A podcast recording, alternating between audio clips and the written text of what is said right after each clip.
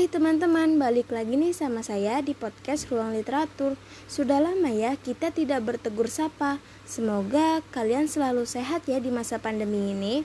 Oh ya, kali ini saya akan berbagi informasi seputar komponen-komponen baku dalam penelitian kualitatif. So, jangan di-skip dan selamat mendengarkan.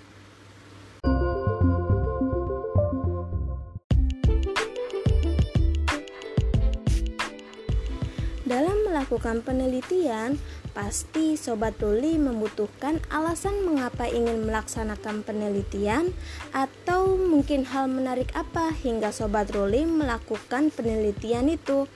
Nah, untuk menjawabnya, sebenarnya dalam penelitian hal pertama yang paling penting adalah perumusan masalah.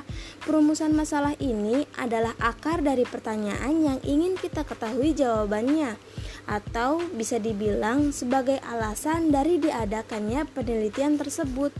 Berdasarkan sifatnya, perumusan masalah ini terbagi menjadi dua, yaitu deskriptif dan eksplanatoris. Nggak cuman itu aja loh, cara menentukan masalah dalam penelitian bisa berdasarkan pengalaman seseorang, based on data atau bahan bacaan, dan bisa juga nih dari sensitivitas peneliti dalam merespon fenomena. Semuanya bisa Sobat Ruli pilih yang kira-kira cocok dan nyaman dilakukan untuk penelitian kalian.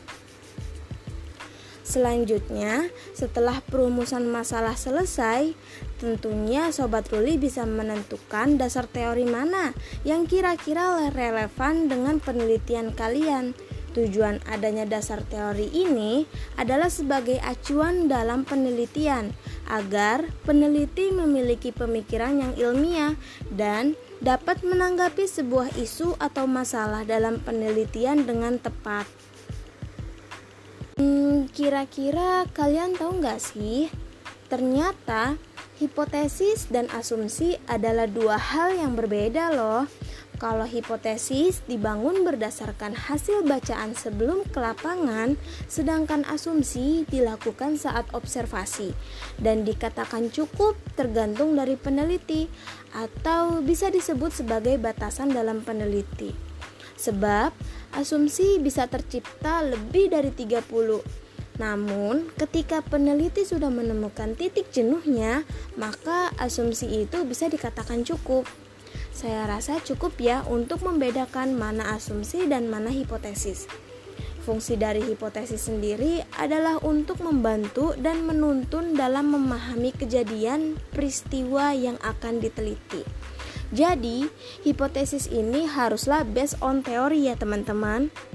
Nah, untuk dapat mengungkapkan hipotesis yang benar, berikut adalah kriteria perumusan dan penyusunannya. Yang pertama, hipotesis hendaklah menyatakan dua variabel atau lebih. Yang kedua, variabel dalam hipotesis harus jelas secara konseptual. Yang ketiga, dapat diuji secara empiris. Yang keempat, hipotesis harus spesifik. Yang kelima, hipotesis yang disusun hendaklah dapat dibuktikan dengan teknik yang tersedia. Yang keenam, hipotesis hendaklah berhubungan dengan teori.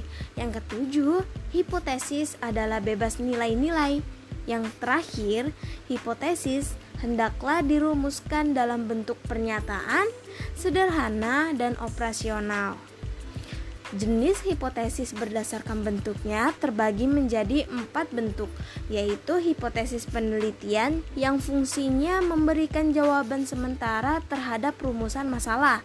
Yang kedua, hipotesis statistika, di mana fungsinya untuk melakukan uji analisa dengan sebagian atau keseluruhan data yang ada. Yang ketiga, hipotesis argumentasi adalah dugaan sementara mengenai sebab terjadinya suatu peristiwa, benda, atau variabel. Yang keempat, hipotesis kerja tentang akibat terjadinya suatu variabel atas variabel yang lainnya.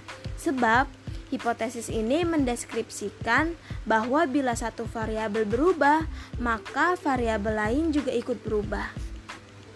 Berikutnya adalah pembahasan mengenai populasi dan sampel dalam penelitian kualitatif. Perlu digarisbawahi bahwa populasi adalah seluruh data yang menjadi perhatian kita dalam suatu ruang lingkup dan waktu yang kita tentukan. Sedangkan sampel atau contoh adalah sebagian dari populasi yang karakteristiknya hendak diteliti. Ciri-ciri sampel yang baik sebagai berikut. Yang pertama, sampel dipilih dengan hati-hati menggunakan cara tertentu agar terhindar dari kekeliruan. Yang kedua, sampel harus mewakili karakteristik dari populasi. Yang ketiga, besar ukuran sampel hendaklah mempertimbangkan tingkat kesalahan sampel yang dapat ditoleransi dan tingkat kepercayaan yang dapat diterima secara statistik. Berbicara mengenai karakteristik populasi pada poin kedua ciri-ciri sampel, berikut ini adalah karakteristik populasi secara umum. Yang pertama, merupakan keseluruhan dari unit analisis sesuai dengan informasi yang akan diinginkan. Yang kedua, dapat berupa manusia, hewan, tumbuh-tumbuhan, benda atau objek maupun kejadian yang telah ditetapkan. Yang ketiga, merupakan batas yang mempunyai sifat tertentu dan memungkinkan peneliti menarik kesimpulan dari keadaan itu. Yang keempat, memberikan pedoman kepada apa atau siapa hasil penelitian itu dapat digeneralisasikan. Populasi dapat digolongkan dalam dua jenis, yaitu populasi terbatas atau definite dan populasi tak terhingga atau indefinite. Inilah pembahasan yang terakhir dalam episode kali ini, yaitu analisis data dalam penelitian kualitatif. Analisis data adalah proses penguraian dari berbagai informasi agar nantinya dapat dipahami dan bermanfaat. Berdasarkan sumbernya, analisis data ini dapat diklasifikasikan menjadi dua, yaitu data primer adalah data yang didapatkan langsung dari pihak yang dibutuhkan dan data sekunder adalah data yang tidak didapatkan langsung dari pihak yang dibutuhkan. Sedangkan berdasarkan skala pengukuran analisis data dapat diklasifikasikan seperti data nominal, ordinal, interval, dan rasio. Ketika sudah mulai mendapatkan data, selanjutnya hal yang dilakukan adalah mereduksi data atau mengambil hal penting dari data yang didapatkan. Langkah terakhir dari analisis data adalah menarik kesimpulan dari data yang diteliti. Dalam langkah ini, peneliti harus bertindak jujur dan tidak boleh menempatkan hal yang subjektif dalam penelitiannya. Nah, gimana Sobat Ruli? Tadi adalah pembahasan mengenai komponen-komponen baku dalam penelitian kualitatif. Jangan lupa untuk klik mengikuti download, dan dengarkan setiap episode dari podcast ini ya. Sampai jumpa minggu depan Sobat Ruli. Bye bye.